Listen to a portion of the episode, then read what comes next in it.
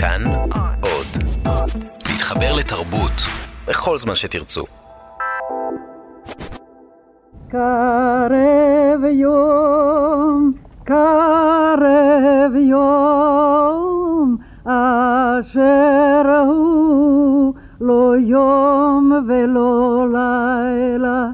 קרב יום,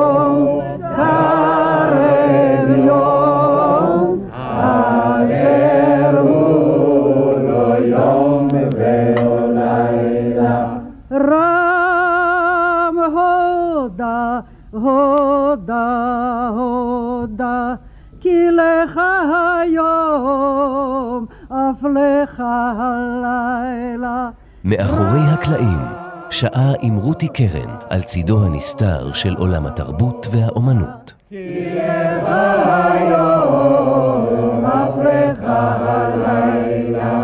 שומרים הפקד, הפקד לעירך כל היום וכל הלילה. שומרים הפקד, הפקד לעירך כל היום וכל הלילה. תאיר, תאיר, תאיר, תאיר, חשכת לילה. את קולה של השחקנית חנה רובינה קשה לפספס, אנחנו שומעים כאן הקלטה נדירה שהתקיימה חודש לפני מותה, וההקלטה המסוימת הזאת, מעבר למסע בזמן, מדגימה באופן מיוחד את המתרחש בין כתליו של הארכיון, אותו מקום נסתר מעין הציבור, שם אה, מאוחסנים רגעים שמחים ועצובים מחיינו. בחלקה השני של התוכנית על האוצרות הארכיוניים של הטלוויזיה ושל הרדיו משך אה, עשרות שנים, אנחנו ממשיכים להתוודע אל המתרחש אה, מאחורי הקלעים של המקום הקסום הזה, ואל אנשיו הארכיבאים. עם מי שמנהלת אותו כבר 23 שנים, בילי סגל גזליוס. מי שהודות לה הארכיון נשאר על כנו והוא מחודש בימים אלו במיטב האמצעים להיות אה, נגיש לכלל הציבור. היום נרחיב על מבצע ההצלה שלך, בילי, שעליו אה, זכית בפרס האקדמיה למפעל חיים. אני רותי קרן מגישה ועורכת, שרון לרנר על הביצוע הטכני. שלום לך שוב, בילי. שלום, שלום. ואת ביקשת ובחרת לפתוח בקטע הזה עם חנה רובינה, שהתגלה לכם באורח נס כמעט במהלך המעבר, ואפילו את שחיה את הממצאים האלו מדי יום ביומו, מתרגשת. נכון. אני ביקשתי לפתוח עם שיר שהיה קיים, שמרגש אותי, אבל למה נזכרתי בזה? כי אנחנו עכשיו במהלך אה, אה, פרויקט המעבר של הארכיון. היינו צריך, קודם כל צריכים להעביר את הארכיון מאתר אחד לאתר שני, וזה היה מהלך מאוד מורכב, וחלק מהסרטים שארזנו, גילינו שהם לא ממוחשבים. שאיכשהו בסוף שנות ה-70 הם לא נכנסו למחשב, ולכן אף אחד לא ידע על קיומם, כי כל התחקירים כבר התנהלו במחשב, אף אחד לא חזר לכרטיסיות. וגילינו איזה 20 אלף סרטים כאלה. 20 אלף. כן. המון עבודה. אז בנוסף לכל הלחץ העצום שהיה לנו, היינו צריכים להתחיל לקטלג את זה, כי אני התעקשתי שיקטלגו את זה מיד, בזמן האריזה, ולא לארוז ולחזור, כי זה יהיה חור שחור שלעולם לא נדע מה יש שם. אז באמת ישבנו עם uh, מסכות פנים, כי זה... מסכות פנים? כן, כי סרטי הפילים מדיפים ריח, אה, תסמונת חומץ, ברמה זו או אחרת, קשה מאוד לפתוח אותם ולטפל בהם, ולכן מי שיעשה לנו את הדיגיטציה יטפל בזה באופן מקצועי, בכל הרמות. לפני הדיגיטציה זה יעבור תהליך שימור, אבל כדי שאנחנו נקטלג את זה, היית צריכה לפתוח את השקית או את הקופסה של הסרט, להוציא את הטקסט שיש כדי לראות במה מדובר, בהנחה שיש שם טקסט. אם לא היה טקסט, העלינו את הסרט על שולחן העריכה, ראינו במה מדובר, קטלגנו את זה מהר בזריזות, כי אי אפשר להגיע לכרטיסיות, כדי שכל החומרים האלה, גם עכשיו, יהיו לך זמינים. זה כמובן עצבן את מי שדרבן אותי, מהר, מהר, לארוז, אנחנו צריכים לצאת תוך חצי שנה מהמקום, ועשינו את זה. ואחת הכתבות, שבמקרה, אני לא ראיתי את כל ה-20 אלף שקטלגנו, אבל מדי פעם בדקתי ככה את איכות הקטלוג וכולי. ראיתי כתבה של עמוס ארבל, שהגיע ביום הלוויה של חנה רובינה, לתיאטרון הבימה, ופתחו שם את החדר שלה, שהיא סגרה חודשיים לפני. כנראה חלתה ולא חזרה יותר לשחק, כי באמת שיחקה עד אה, הרגע האחרון mm-hmm. כמעט. פתחו את החדר שלה. וזה גם, זה מין, נכנסת להיכל הקודש, מה כן. היה בחדר שלה.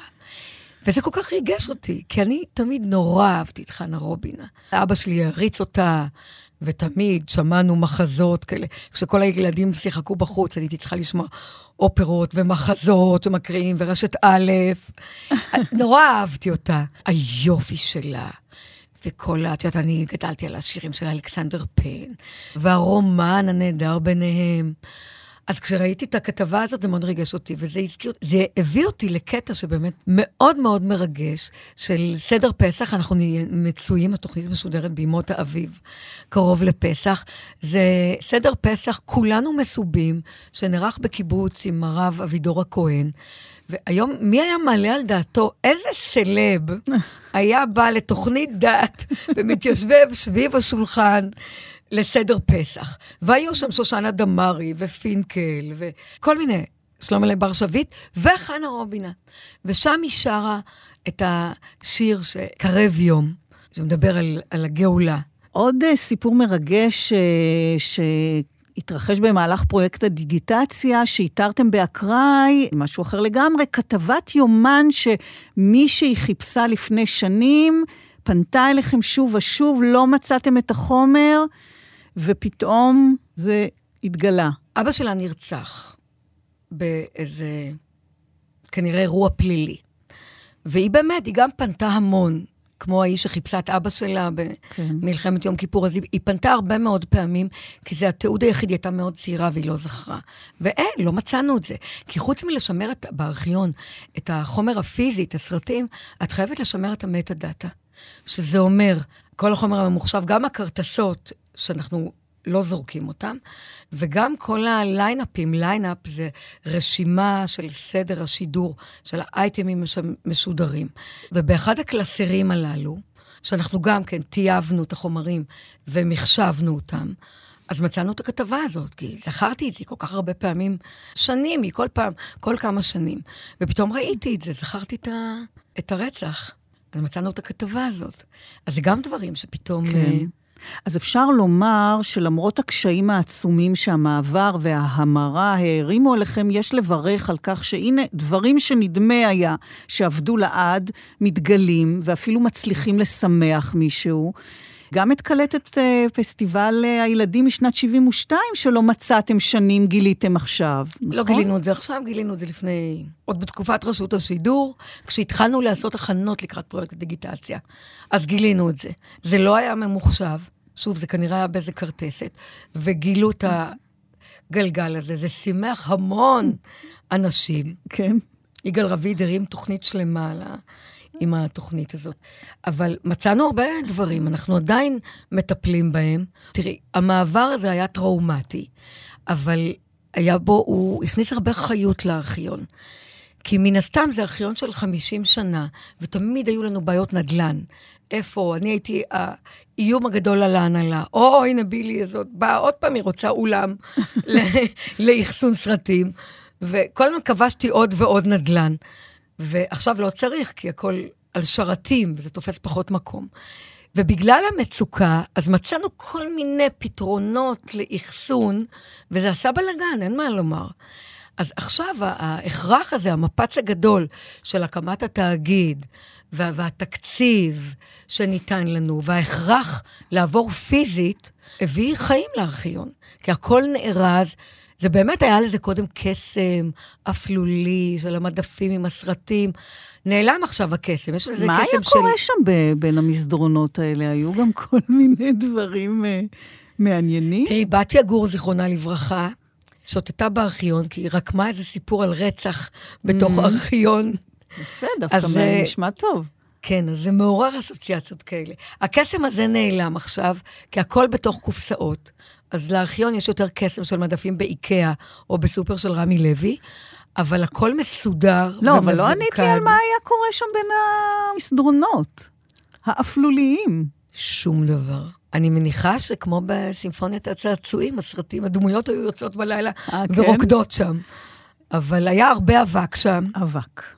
הרבה אבק, ועכשיו באמת הכל מסודר ומאורגן. אז בואי נדבר על המעבר הזה, וכך נוכל להבין טוב יותר מה זה ארכיון, איך עובדים, איך מתנהל מוסד כזה. במאי 2017 ירד המסך על שידורי הטלוויזיה של הערוץ הראשון ועל שידורי הרדיו של כל ישראל, וגורל הארכיון היה בסכנה. בעצם את הבנת את זה הרבה קודם. מה שרבים מן העובדים סירבו לקבל.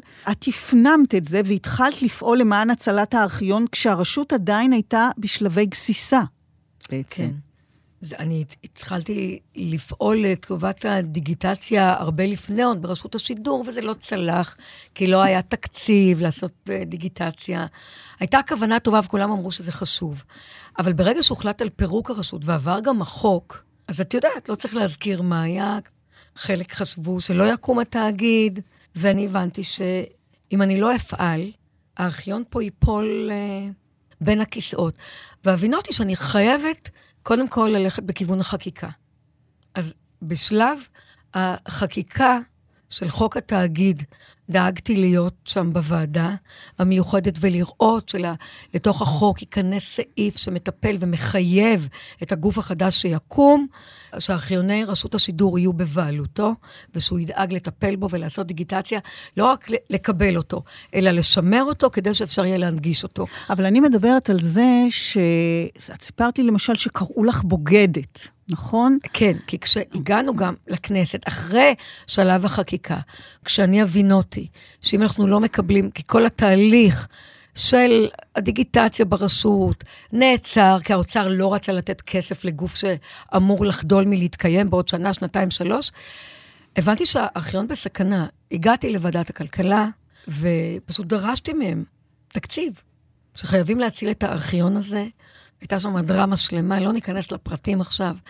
ובסופו של דבר, משרד האוצר אמר, פקידי האוצר שהיו שם אמרו, אנחנו לא נותנים תקציב לגוף שלפי החוק יחדל מלהתקיים. ואז אני אמרתי, אוקיי, למי תיתנו? אנחנו מוכנים לתת לתאגיד, חייבים את הארכיון להציל. אז אמרתי, אז תיתנו את זה לתאגיד. עכשיו, נחשבתי לבוגדת בעיני רבים, וליבי עם החברים שלי, שהם גם היוצרים של הרבה מאוד מהחומרים בארכיון, אבל אני הבנתי שאם אני לא עושה את הצעד הזה, אז לא יהיה ארכיון. ובאותו רגע, ב-15 בנובמבר 2015, נדמה לי, אז נפל הפור, כי ברגע שיש תקציב, אפשר לדבר ולכתוב מאמרים. אם אין כסף ואם אין תקציב, ואני מאוד מעשית, אז לא יהיה כלום. אבל את אומרת שקראו לך בוגדת, כי בעצם את ראית את מה שהולך לקרות, את מה שרבים אה, ראו אולי, אבל ניסו להדחיק או להכחיש. ואמרו לך שאת מאוהבת בארכיון ובעצם מתעלמת מן הקריסה. נכון. את באמת מאוהבת בארכיון? כן. תשמעי, מרבית חיי הבוגרים אני מבלה בארכיון. אני מאוהבת בארכיון, ובאנשים וביוצרים, גם בעבר וגם בהווה. אני מאוהבת בתהליך היצירה. משימת חיי הייתה להציל את זה כדי גם להנגיש את זה, לא להחביא את זה במדפים או בשרתים, אלא לגרום למצב שאנחנו מצילים את זה ומאפשרים לציבור, למחקר, לילדים, ליוצרים, להשתמש בזה. כל התהליך הזה מאוד חשוב בעיניי. ולפעמים אדם אחד יכול לעשות שינוי, לא לבד, אתה חייב את כולם. אבל כן, האמת שהאשימו אותי שאני, ליבי גס בכאב מסביב, וליבי לא היה גס. ראיתי את הכאב ובכיתי עם האנשים, אבל זה היה חזק ממני. מאוהבת, כן. אם את רוצה לומר כך, זה, זה היה חזק ממני, זה היה בתוך, מתחת לאור שלי. ידעתי שאני חייבת להציל את זה, ואני לא רואה כלום. אני חייבת להתמקד. כי אם את לא מתמקדת ואת מתפזרת ואת רגשנית, אם את לא ממוקדת מטרה, אז את תפספסי. לא יכולתי להרשות לעצמי באותם רגעים לבכות. עשו עליי כבר מערכון, mm. כי אילן פלד עשה סדרה מצחיקה על תולדות הארכיון, אה, חמישה פרקים דומני, והדמות של הארכיונאית, שלא רואה כלום, הכל מתפרק מסביבה, והיא מאוהבת, רק מסתכלת. זה נבנה עליי, הם צחקו עליי, שיתפתי עם זה פעולה. כי הם עשו תחקיר, ומסתבר שאנשים אמרו להם, הכל מתפרק, וכולם דואגים אם תהיה להם, לא תהיה להם עבודה. ובילי באה, וכל יום ממשיכה עם ה... השוטף שאנחנו צריכים לספק עד הרגע האחרון, ועם הארכיון, ורצתי לכ... כאילו לא קורה כלום, יש בזה משהו לא אנושי בהתנהלות שלה. אמרו להם את זה. הוא עשה מזה בדיחה וזה הצחיק אותי, ו... ונכון, זה קריקטורה שלי. אבל אני לא ישנתי בלילות, ואני ידעתי שיש רגעים קריטיים, אחר כך תהיינה ועדות חקירה. למה זה קרה? ו... כדי למנוע את כל זה, הרי אני, אני באה מתוך ההיסטוריה. ואם למדתי משהו מהארכיון, שאם לא היו עושים ככה, אז אולי היה ככה, ואם היו עושים צעד כזה, אז אולי מהלך ההיסטוריה כזה. הייתה לי פרספקטיבה היסטורית, איך החלטות מתקבלות גם, בתהליכי חקיקה, ולפעמים סתם החלטה לא נכונה. כי מי שפשוט יצא וככה הוחלט והוא לא שם לב שזה נכנס לחוק או לא נכנס לחוק, ואז אין גיבוי פיננסי. הייתי מאוד ערה על הדברים האלה, למדתי משהו, וגם הרגשתי שבגילי המבוגר, אמנם נפשי צעירה, אני מוכנה לספוג את כל החיצים האלה ולהתמקד למטרה, כי אם כל החיים שלי גם הייתי בארכיון, זה נורא לצאת, אפילו לקחת כסף, כי גם הרבה אנשים אומרים לי, מה את צריכה את כל הכאב ראש הזה? תשבי עם הפנסיה שלך, תמצאי משהו אחר. כי קודם כל אני מרגישה שעוד יש בי הרבה כוחות לתרום, פיזית ונפשית. אז כאילו, במה מסתכמת כל הקריירה שלי וכל מה שעשיתי? אם אני לא מצילה את הדבר הזה. אם הייתי פורשת ואני יודעת שהמקום ניצל ויש לו חיים משלו כבר, אז הייתי יותר רגועה. ואני הרגשתי שיש לי כאן, טוב, זה אולי נשמע קצת פומפוזי ופתטי, אבל שיש לי כאן משימה לאומית. ובאמת, לא ראיתי בעיניים. חלק מהאנשים, זה הכעיס, אבל אישי היקר, ומי שקרוב אליי, ראה כמה התייסרתי. באמת, לא ישנתי, שנתי נדדה ושנתי לא נודדת. כי הייתי נורא במתח, וזה היה תהליך ארוך וסיזיפי. כי זה להציל גם פיזית, כי רצו לפנות אותנו מהנדלן, גם לדאוג לתקציב, כדי שאפשר יהיה לעשות דיגיטציה, גם פיזית למצוא מקום אחר, שלאף אחד לא היה זה היה חור בראש, כי לא מצאו לנו מקום בבניין החדש של התאגיד, חשבו שהוא מתחיל מסקראץ' ואיכשהו יאחסנו באיזה מחסן. לא הבינו מה זה הארכיון הזה, כמה הוא מורכב, עכשיו מבינים את זה. וגם איך להציל את כל התוכנות, כל המטה-דאטה. כי אם את מצילה גם פיזית את החומרים, ואת לא מצילה את המטה-דאטה ואת כל התוכנות מחשב, אם הן לא עוברות כמו שצריך, זה לא תהליך פשוט. להסב נתונים למערך חדש, כי מתפרק מוסד תרבותי אדיר ממדים, רשות השידור. איך מצילים את הדבר הזה? זה היה מאוד מורכב, והיה פה בכמה מישורים לפעול. זה היה תהליך אה, לא פשוט. אז זהו, אז אה, מאוהבת, לא מאוהבת, אבל אה, את הלכת עד הסוף למען הצלת הארכיון, בעצם לבד לגמרי, מול ממסד. את עושה ימים כלילות בכנסת, נגד שעון החול האוזל, שעות הזויות שאת יושבת שם עם חברי כנסת. שעות. לא יוצאת אפילו לשירותים, כי יכול להיות שיגיע תורי בדיוק לדבר, והמאבק גם לדבר בתוך הוועדות, זה לא פשוט. את מבקשת לדבר, ואפשר בקלות לדלג מעלייך. זה מאוד סוער וחי, ואת צריכה להילחם. את נלחמת כשאת יושבת שם בדיונים, את נלחמת, ואת צריכה להיות קשובה גם. מה אומרים, מה נכנס לחוק. היו המון המון מאבקים, גם לא להתפנות. כשסגרו את רשות השידור וכולכם נעלמתם פתאום מהבניין, זה היה כמו פומפיי, שהכל קפא. נשארו משרדים ריקים, עם הדברים עוד של האנשים, חלק לא פינו את הדברים שלהם, כי הם לא האמינו שזה יקרה. וחלק הלכו הביתה, וחלק עברו לשדר במודיעין, ונשארנו שם לבד, כי את לא יכולה לקפל 14 אולמות של ארכיון. ולהיעלם. ואז היה המאבק על הנדלן. זה היה מאבק גם נפשית קשה להישאר שמה, ואחר כך, גם עם, עם הכאב שכולם נעלמו, וגם פה לא הרשיתי לעצמי, הייתי, ידעתי שאני חייבת מיד לייצר הליך של עבודה מול הגוף החדש שקם.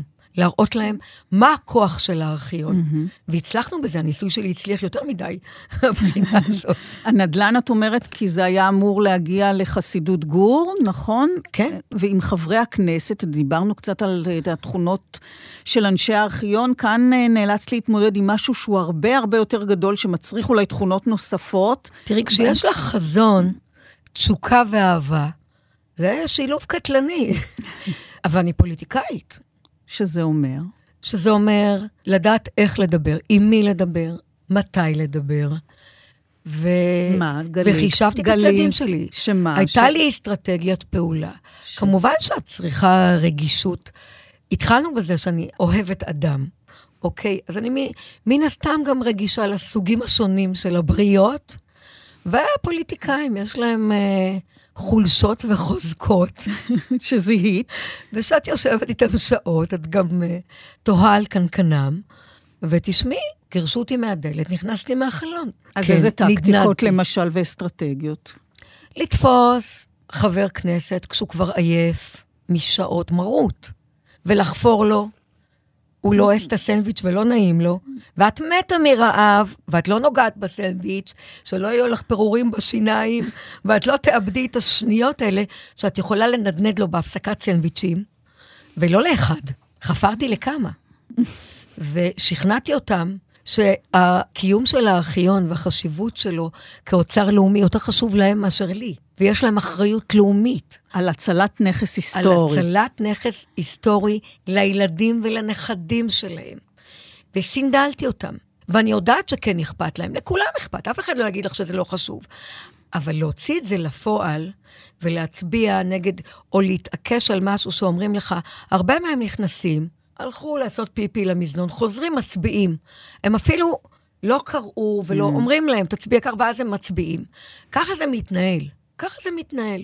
ישבתי שעות, מספיק, כמה שנים בכל תהליך החקיקה, כך שכשהייתי צריכה לפעול כבר, למדתי וגם צפיתי בדיונים, ישבתי שעות, עשיתי שיעורי בית, לראות איך זה מתנהל, מי הדמויות, ואיך לדבר עם כל אחד. המון כוחות נפש. אז מה זה גובה ממך באמת? איך היה לך כוח? שוב, כשיש לך חזון, אז, אז את מקבלת כוחות על. זה כמו מפקד בקרב. תראי, סליחה על ההשוואה, אבל זה קרב תרבותי. חששתי מפיגוע תרבותי, וידעתי ש... שההיסטוריה הטילה עליי, אני כבר לא ילדה קטנה, והיה לי זכות לעבוד במקום באמת נפלא, ועכשיו יצא פיידיי. אבל היו רגעים שחשבת להרים ידיים, רגעים שנראה היה לא. שזה לא יצליח? לא. אפילו לא. לא רגע אחד? היה לי קושי, ואני סובלת ממחלת עור מסוימת, שהיא הייתה בקטנה והתפרצה. אז היה מחיר פיזי. כן. בגלל שאני לא מרשה לעצמי להישבר ולכסות את הראש מתחת לשמיכה, עברתי דברים קשים בחיים, וזה חישל אותי. אז זה התפרץ, זה כן. המחלה התפרצה, וזה התשלום ששילמתי, זה היה שווה את זה.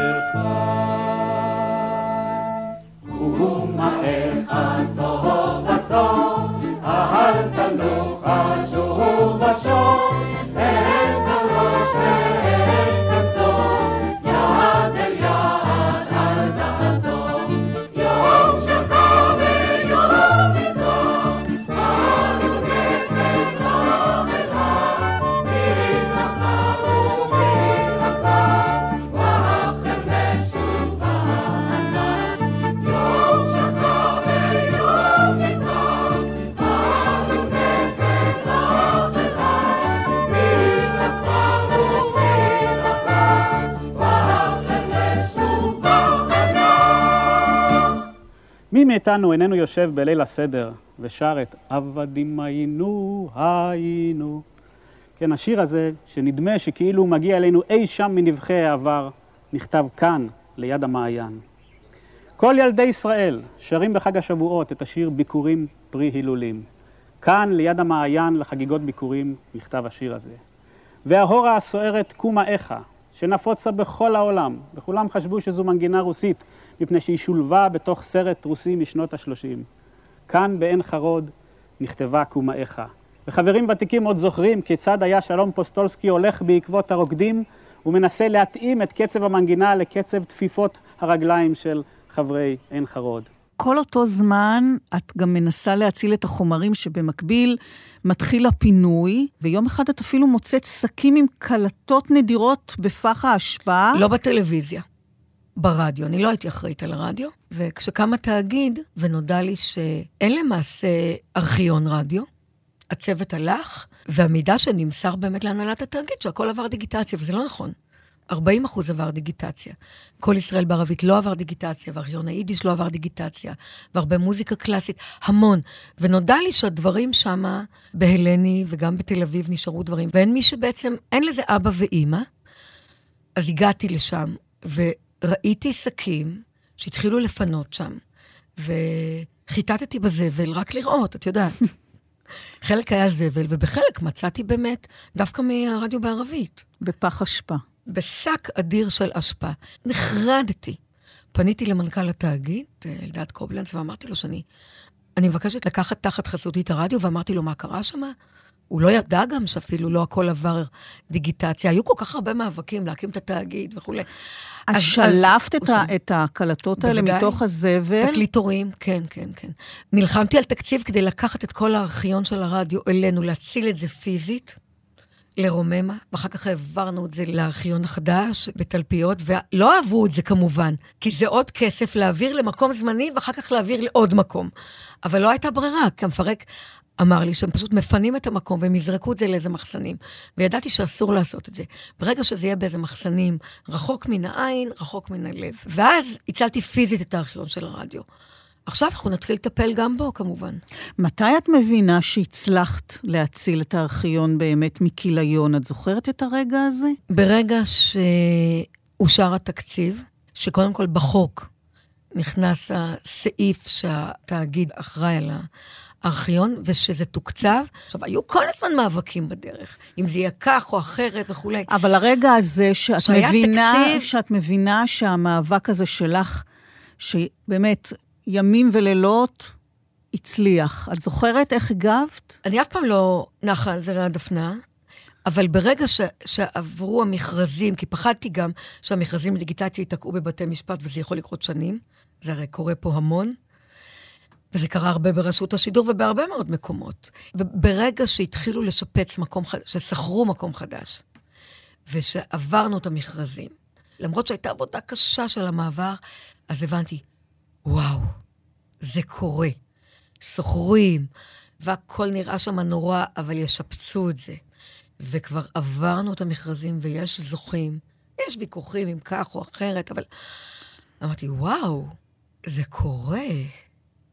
ולפני שלושה חודשים, כשנכנסנו למקום החדש, אחרי באמת שנה מאוד קשה, כי זה היו שנתיים גם של לעזוב מקום עבודה של 30 ומשהו שנה, עם אנשים, חלק מהאנשים עברו, חלק אנשים חדשים, חלקם מקסימים, אבל פתאום להתחיל לעבוד מחדש עם השוטף, לארוז אותו, את כל הארכיון, ולעבור למקום אחר, זה היה מאוד קשה. אבל כשנכנסנו, לפני שלושה חודשים, אז חטפתי חום גבוה ודלקת ריאות, ואני לא היחידה, היה עוד מישהו שזה קרה לו, מנהל הפרויקט. ואמרתי, וואו, יש לי עכשיו שבוע להיות ככה במיטה עם חום גבוה, כי עברנו למקום החדש. הכל השתחרר. כל הכל... המתח הזה של כל השנתיים האלה השתחרר. את מדברת על הרגע הזה שבאותו יום שכל העובדים פתאום לא הגיעו והכל התרוקן, ואין חדר חדשות, והכיתובית, תמו שידורנו. גם העובדים שלי לא הגיעו, הם לא התקבלו לתאגיד. נשארתי לבד למעשה עם שלושה ארכיברים, לא עם רכזי מידע. ואת מבינה שלמעט העובדים שבאמת רק חלקם עוברים למקום החדש ונושאים עימם את היכולות וכל העבר המקצועי, מה שנשאר מוחשי בעצם זה הארכיון. כן. זה הדבר... עמדתי שם לבד, את רכזי המידע אחר כך החזרנו, כשהבינו שצריכים אותם. עבדתי שם לבד בתוך האולמות האלה. אני והסרטים והמשרדים הנטושים, זה היה קשה. לא בכיתי אפילו, הייתי בטוחה שאני אבכה. בכיתי כשנפרדתי מאנשים. הייתי בהלם והתחלתי לצלם. כל הזמן תיעדתי את מה שנשאר, את האולמות, את המשרדים הריקים, את הרשימות, את כל מה שהשאירו ברדיו ובטלוויזיה. זה היה חודש מוזר מאוד. את אומרת, אני לא יכולה לנוח על זרי הדפנה, כי הארכיון הוא ישן. מאובק, הפורמטים ישנים, הנגנים כבר לא פועלים היטב, קלטות חלקן מתפוררות, או שאי אפשר לנגן אותן על מכשירים חדשים. היו לך משהו כמו שבועיים לארוז, וזמן מאוד קצר להעביר. שבועיים לארוז את ארכיון הרדיו. כן. את ארכיון הטלוויזיה העברנו בחצי שנה, שבעה חודשים, שקולגות שלי בעולם לא מאמינים שעשינו את זה בתקופה כל כך קצרה. כי מה? כי זה צריך לעבור שינויים טכנולוגיים? כי. לא, האריזה היא מאוד מורכבת. נתנו ברקוד לכל סרט, ונעזרנו בחברת הארכיברים, הם הביאו שמונה צוותים, וזה מרשם לטעויות ובלגן, ויש טעויות, אני רואה mm-hmm. אותם עכשיו. וקשה לפקח על כל כך הרבה כן. צוותים. כן. זה מבצע אדיר ממדים, שבאמת... אני מבינה שגם את הדיגיטציה, חלקה עשיתם בכלל בהרווארד. הטלוויזיה בכלל לא עברה דיגיטציה. הרדיו עבר דיגיטציה בעזרת הרווארד, 40 אחוז מהרדיו. וזה החומרים שניצלו ונמצאים היום דיגיטלית. את הטלוויזיה, יש שלוש חברות שיעשו עכשיו דיגיטציה, וגם שם יש המון תקלות. יש סרט שהסאונד והתמונה לא תואמים, וצריך להחליף אותם. כי אם יעשו לזה דיגיטציה, זה לדיראון עולם. זה הסאונד שלך עם תמונה של מישהו אחר.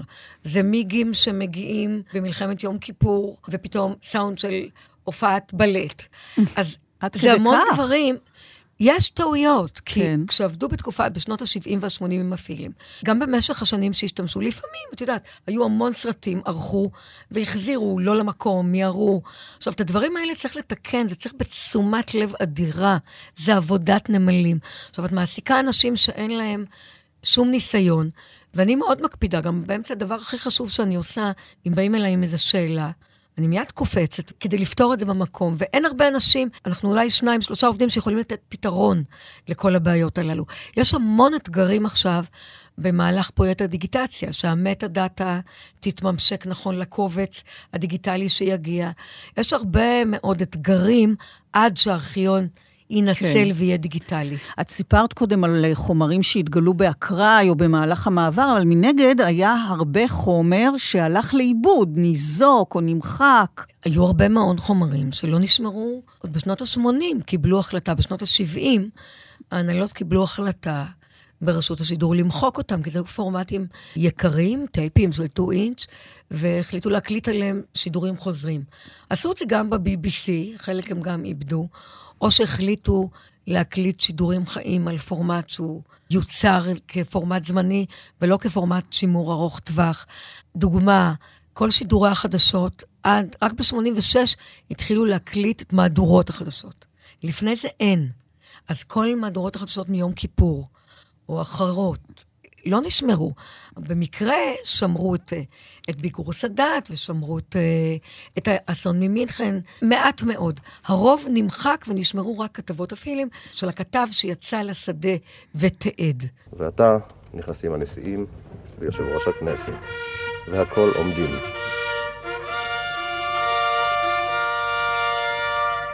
בראש פוסע קצין הכנסת, יצחק בן גל, אחריו הנשיא סאדאת בצעדים מדודים בחליפה שחורה, איזה רגע. קשה, קשה להאמין. קשה להאמין כשרואים את אנואר סאדאת, נשיא מצרים, פוסע לאיתו ומתיישב, מתיישב בדוכן הנשיאות של כנסת ישראל. והמון מוחא כפיים. כולם על רגליהם, מוחאים כפיים, קואליציה, אופוזיציה, איזו היסטוריה, איזו היסטוריה. זה פשוט לא יאומן.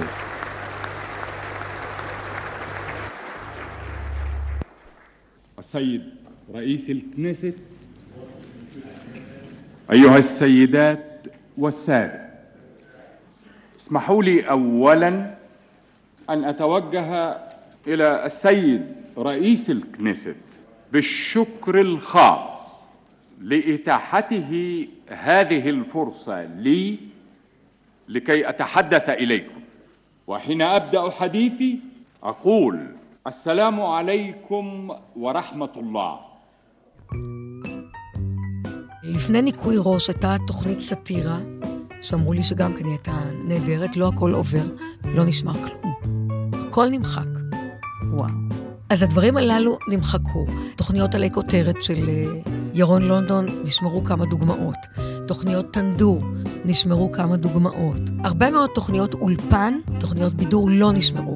הם נשמעו, רק הם צילמו אותם בפילם, או ששמרו את הטייפים הגדולים שהקליטו באולפן. חידוני תנ"ך. חידוני תנ"ך גם, לא הקליטו. לא נשמרו, טקסים בהר הרצל. טקסים בהר הרצל, הכל מ-86 התחילו להקליט. אפילו את בגין חוזר uh, מטקס חתימת השלום מארצות הברית. זה נשמר, אבל הטייפ התקלקל, הקלטת התקלקלה, וזה לא קיים. וזה תסכול אדיר, שאת יודעת שמצאת את זה לאיזה תחקיר שמצריך, ואת לא יכולה לנגן את הטייפ כי הוא הרוס. היו גם קלטות שפשוט הקליטו עליהם ומחקו את מה שהיה שם קודם, כמו איזה סרט טבע. היו טעויות. של בניה בן נון שסיפרת כן, לי. כן, חורף 92. הוא קרא לזה, נדמה לי, שעת החסידה או משהו כזה. סרט טבע מדהים. ופשוט הוא עמד, ויש איזה מין כפתור שצריך להוריד על קלטת כדי שאפשר יהיה להקליט עליה שוב. לא הורידו. את דאגת בדרך כלל שיורידו את הכפתור. אוי, אני הייתי רודפת אחרי אנשים, מיד אחרי ההקלטה להוריד את הכפתור הזה, שאי אפשר בטעות. כן. את הצ'ופצ'יק הזה. ו... ופה לא הורידו? צפה בזה, ערך מזה, זה עמד שם באולפן הקלטה, ומישהו היה צריך להקליט איזה מהדורה, ולקח את הקלטת והקליט עליה. והקליט עליה. אז קרו מקרים כאלה. גם עם סיבה למסיבה, נדמה לי, נכון? נכון, תוכנית מאוד יקרה. לפני ששודרה. מחקו אותה. מחקו אותה. הקליטו עליה. ובכל זאת, אירועים כמו ביקור סאדאת נשמר, הזכרנו את בגין, אז גם ההודעה על המהפך. כן, בחירות 77 נשמרו. המילה שנכנסה ללקסיקון. ואגב, אנשים חושבים שהוא פתח את השידור, רבותיי, מהפך. לא. אחרי שעות רבות של שידור, אחרי שנברתי בזה כל חיי, אז בשלוש בבוקר, אני חושבת, הוא ישב שם עם פן ההון, ואז הוא אמר, טוב, מסתמן מהפך, את יכולה להשמיע את זה. הוא כבר היה גם כן עייף, ואז זה לא פתח את השידור. הוא כן. השתמש בזה שוב בבחירות 92. כן. כן, כנראה לא פחות מאשר אה, מהפך. מהפכה חלה בישראל, עלייתו של מחל למקום ראשון, סיום ההגמוניה של תנועת הפועלים מזה שנים רבות. נשמרו גם כתבות אה, פילם מהשטח שהיו בסיס אה, לסדרות כמו תקומה ומלחמת יום הכיפורים. נכון. נכון? המון, המון סדרות וסרטים. אנחנו מדברים על עולם ישן, הולך ונעלם, שצריך להישאר למשך שנים גם לעתיד, וזה אומר גם תנאי אה, שימור, מה שבארכיון הישן היה די בעייתי, נכון? נכון. לא היה מיזוג, היה לנו יותר מזל. אלת המזל פה הייתה לצידנו, משום שאנחנו היינו באזור יבש, ירושלים זה אקלים יבש. אם היינו במישור החוף, הלחות הייתה כבר... אה, הפטריות היו אוחזון בסרטים. יש לנו, אנחנו סובלים מסינדרום חומץ חלקי, אבל לא היה מיזוג ולא היו מערכות כיבוי אש. בגז אסור שיהיה מים, והיום בארכיון החדש באמת יש מערכות נפלאות שאני רק כמותן רואה בעולם, בארכיונים מתוקנים. סיפרת קודם אה, על ה... על הכיבוש שלך של אה, שטחים, של מחסן תאורה ומחסן תפאורה שהשתלטת אה, על אזורים שלמים, אבל כל החומר הזה בעצם היה בסכנה יומיומית אה, גם משרפה. נכון. זה פילים. זה מזל גדול. ושיטפון. פעם אחת היה, בתקופת המפרק, פשוט הזניחו את המבנה, ובאחד האולמות הייתה נזילת מים. בשוטף טיפלו בכל הנזילות הללו, כי זה היה בניין ישן, אבל הייתה נזילת מים ו... והיה שיטפון, שחלק מהסרטים הצלנו, וחלק, אני לא חושבת שאפשר להציל. וואו. חלק קטן. שלא לדבר על אבק, שזה זה, זה תמיד. אויב גדול. טמפרטורה, כך שישנן קלטות מתפוררות או סרטים אה, דבוקים. אה, ישב כאן לא מזמן איש הסאונד יואב שדמה, שמשתתף, כך הבנתי, בשחזור חומרים נכון. שניזוקו כדי להצליח להעביר אותם בכל זאת, אפילו לאיזשהו זמן קצר. כן, זה לא כל כך בגלל תנאי האחסון, הקלטות באמת שאמולסיה מתפוררת והטפ נדבק, צריך לאפות את זה. ויואב הציל לנו הרבה מאוד uh, סרטים, אופים את זה, ואז אפשר לעשות דיגיטציה לסרט. זה גם בגלל חולשת החומר, לכן אנחנו כן. חייבים לעשות דיגיטציה מהיר. אז זה לא מעט תסכול, במיוחד כשאתה יודע מה יש על הקלטת, ולא יכול לעשות בה שימוש. אה, זה תסכול עצום. את אומרת שיש נגנים ישנים, או גם... אמנם נג... תמיד אני אומרת, זה לא חדר מיון, אף אחד לא ימות, קשור... אבל התרבות מתה. פיסת תרבות מתה. טיפה. ולי זה כואב נורא. את יודעת, כן. יש עוד, נו, זה את הגרסה הזאת של השיר, אבל כל דבר קטן שכאילו הולך, את יודעת, כי אם את לא מכוונת גבוה, אז את מאבדת הרבה. אז הנה, אנחנו מדברים על קטעי ארכיון שמרגשים אותך. עוד אחד כזה שאת אה, אוהבת הוא ראיון נדיר עם הסופר אה, ש"י עגנון. כן. איש שלא אהב ולא הסכים להתראיין. תוכניות מורשת דת, הרב צבי אלי הגיע לראיין אותו. ואני חושבת שזה מה ש... פתח ככה את דלת ביתו. הרעיון נורא מרגש. הסאונד לא נפלא, יואב שדמה גם הציל את הסרט הזה, וזה רעיון נורא מרגש, לראות אותו. ולשמוע אותו. הסופר שי עגנון יצא הבוקר לסטוקהולם לטקס הענקת פרסי נובל שייערך בשבת. בנמל התעופה לוד היה כתבנו ערן שורר. קהל רב נתכנס הבוקר בנמל התעופה לוד כדי להיפרד מהסופר שי עגנון בצאתו לשטוקהולם. היו כאן בני משפחתו, שר החינוך והתרבות מר זלמן ארן, הרב הצבאי הראשי האלוף גורן, שגריר שוודיה בישראל, נציגי הסוכנות היהודית, סופרים, אומנים, נציגי האקדמיה ללשון העברית ואוהדים רבים אחרים. הסופר היה עליז ומלא הומור, כדרכו, ודומני שהיה נרגש פחות מכל הסובבים אותו. עם יציאתי הלוואי שביציאת נשמה שלי יהיה לי יותר קל מה שעכשיו. מדוע לא קל לך עכשיו? נו, מדוע לא קל? הנה אני צריך לחשוב איזה מחשבה, והנה יוצא שאתם מדברים איתי וכל פעם אתם רוצים לשמוע ממני חוכמות. אני, אתה יודע, אני לא כל כך זריז לומר, אני לא הייתי מעולם נואם אה, עממי, ובכלל אינני נואם.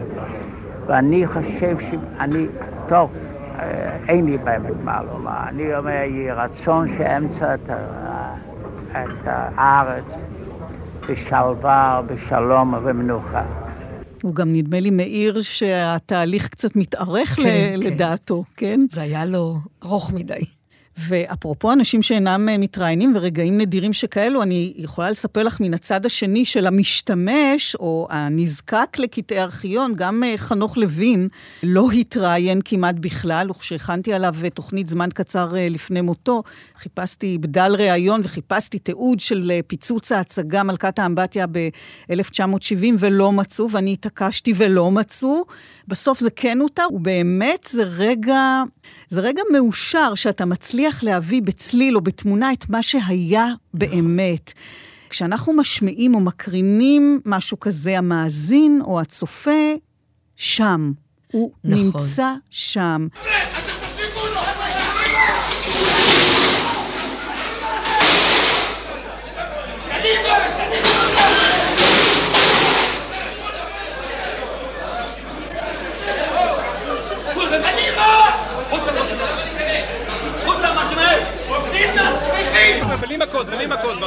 הלחצים הרבים שהופעלו על התיאטרון הקאמרי נשאו פרי. הצגת מלכת האמבטיה הגיעה לסוף דרכה. את המחזאי חנוך לוין פגשנו בפתחו של התיאטרון הקאמרי כשהוא עורך שביתת שבט בחברת אוהדים ותומכים. אני צריך לא, לא, להוריד את ההצגה, לאסור אותה, כי זה הצגה זו זו בגידה. ממש מעשה בגידה, והאנשים האלה שמציגים אותה, צריכים להכניס אותם לבית סוהר. כבוגדים. זה סוחדים זרים. בטח הוא צודק.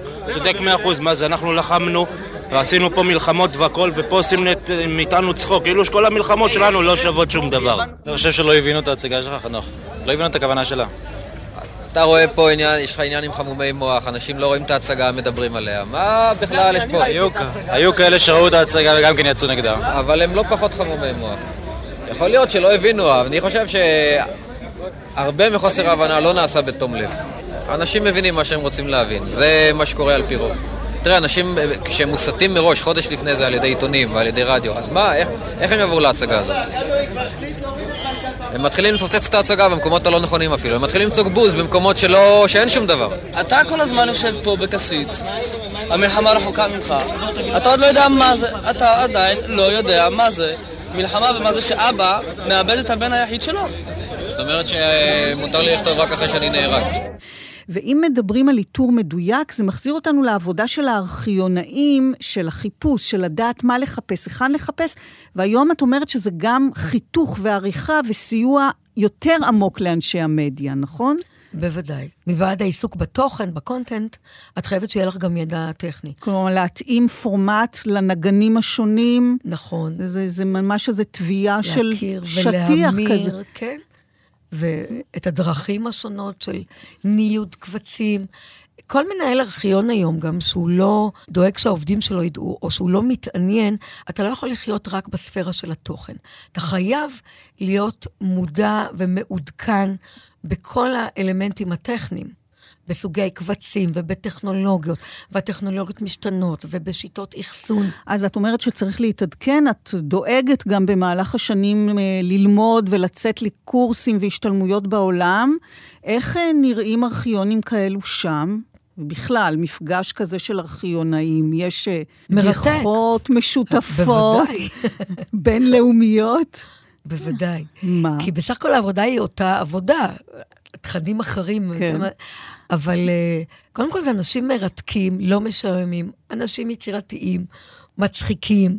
תלוי באיזה מדינות, את יודעת, אני פוגשת גם Mhm. ארכיונאים מאפריקה ומ- ומדרום אמריקה. הארכיונאית בצ'ילה אמרה לי שבתקופה מסוימת הגיעו חיילים להשמיד חלק מהחומרים והחביאה אותם בבית. אז גם קצוות כאלה, את שומעת? ומצד שני, את יודעת, את המערב, מערב אירופה השבעה, שמהם למדתי הרבה מאוד על טכנולוגיות חדשות, והרבה מאוד מדינות נמצאות כבר בסוף הדיגיטציה של האוספים האנלוגיים. אבל זה כמובן תלוי באיזה מדינה את וכמה כספים השקיעו. אתם חולקים סודות מקצועיים? בוודאי, אנחנו כל הזמן משתפים. והחשיבות של חוויות? הכנסים האלה, את לומדת הרבה מאוד בהרצאות ובסדנאות. הרבה מאוד את לומדת במפגשים הבין-אישיים, בשיחות מסדרון, בארוחות המשותפות. בלילה, כשיושבים בפאבים, אז מדברים קצת דברים אישיים, אבל רוב הזמן, גם בארוחות, לפעמים גם בפאבים, אנחנו מדברים על דברים מקצועיים. על הארכיון.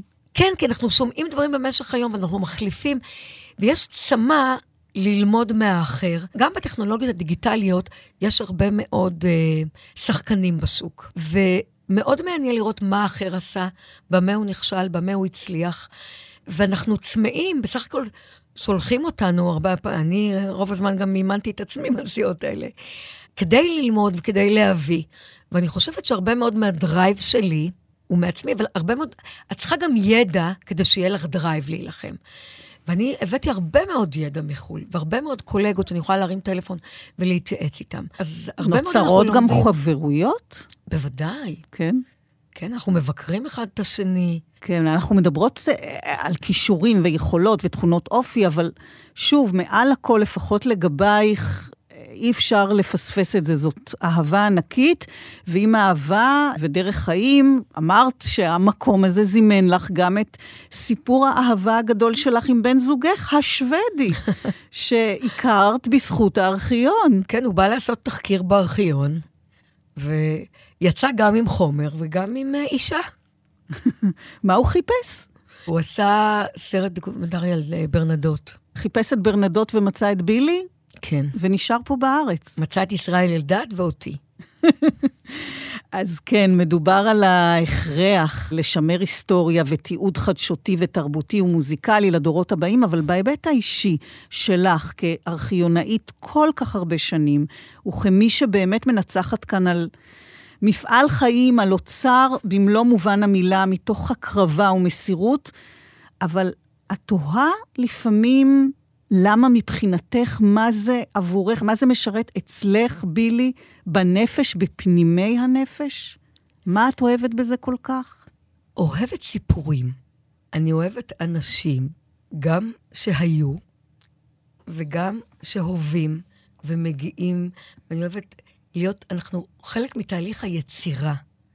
וזה יוצר באמת מארג מאוד אה, ויביד, מאוד חי, עם המון חיות. כי זה כאילו נשמע דיסוננס, אה, ארכיון, הכל שם באמת. לא. אצלי זה באמת מארג של חיות, של מפגש בין העבר וההווה והעתיד של מה יהיה. כי את רואה את היצירה בתחילת דרכה, ואת שותפה בהיבט הזה, וכשמזמינים אותך לפרמיירה, את מאתרת את הרגעים ואת התרומה שלך שם ב... אמ, כן, זה יוצר מין שלמות כזאת. כמובן שיש לי עוד תחביבים בחיים, כפי שאת יודעת, וזה משלים. אני יוצאת המון, אני אוהבת נורא את הטבע, אני אוהבת תיאטרון. אני לא חיה רק בתוך הארכיון, אבל uh, באמת, מרבית חיי בארכיון, ו- ויש מין שלמות, אחרת לא הייתי יכולה להישאר שם, כי אני אדם מלא חיים. כי אם הייתי משתעממת, אז לא הייתי יכולה... אני מרגישה כל יום שאני מגיעה, אני מגיעה עם שמחה בלב, עם אתגרים. כל יום שאני מגיעה, אני יודעת שיש איזה אתגר. אז זה, זה נותן דלק. בילי סגל, אני כל כך שמחה שבאת. תודה רבה לך על כל מה שאת עושה למעננו, הצלחה גדולה, הפרויקט עדיין בעיצומו. תודה למנהלת ארכיון הטלוויזיה והרדיו של תאגיד השידור הציבורי. תודה גם לשרון לרנר על הביצוע הטכני, אני רותי קרן, מגישה ועורכת. עוד תוכנית של מאחורי הקלעים גם בשישי הבא בשש ובשידור החוזר מחר, שבת בשתיים בצהריים, וכמובן בהסכת באתר כאן תרבות, לצד כל התוכניות הקודמות, כולל חלקה הראשון של התוכנית הזאת, גם באפליקציית כאן אודי. להתראות.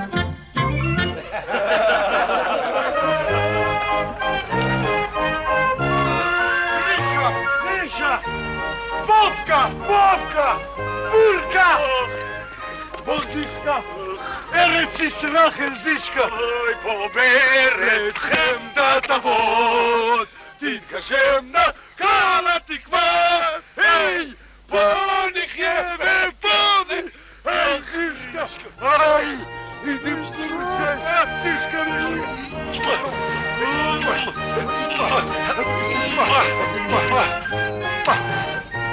أحمد. آه. شوف. من هذا؟ هذا اليهود. اللي عندين بابور اللي جابهم. ولادك ياتك خد شتوتاي اخ يستشفي في ارث اسرائيل ونزرلاند ارث اسرائيل О, Литво, ojczyzno moja, jesteś jak zdrowie. Ach, Władek, Władek, Erycizrach. Ну, Гриша, jeszcze psieście, jeszcze psieście. На, Гефил ты фищем, сукар. Эх, черт твою холера. Не на Алдин баборил и джаблом. Алена! მარიომა! მარიომა! ერეც ისრაელ! ერეც აკოდეშ! მარიომა ბარუხატა ადონაელო ერო შეხიანო იქიმან მიგერდა. ოი ბარუხატა მეკაბეც ისრაელ ბახსემა სწორგმადა გელაბაც ხოლმე აუა! ბარუხატა ისრაელ შალბალო ხსარ ბარუხატა სებდა ერეც აკოდეშ! ოი! მარიომა, მარიომა ერეც აკოდეშ, ერეც აკოდეშ! აა! მარიომა! ოჰო!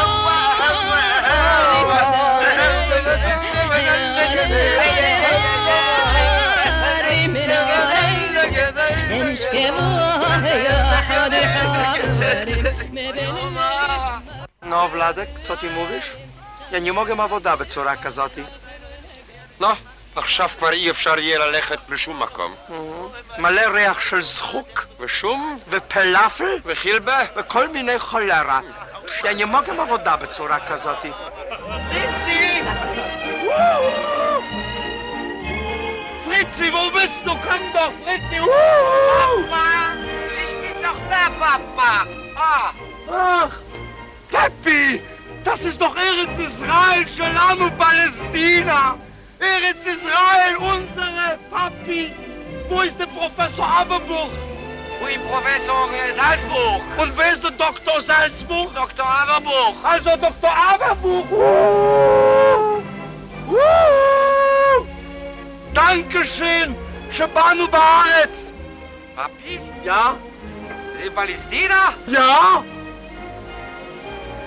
Aber זה הכל חול, פאפה. אנחנו נבריח השממה, דו דומקופf. תראה את היקס. דנקשן, ביטשן, ביטשן, דנקשן. זה דוקטור, זה פרופסור, וזה, הנה עמדין בבור לג'בום. نكشن بكتشن فريتي ومريتيا ووو.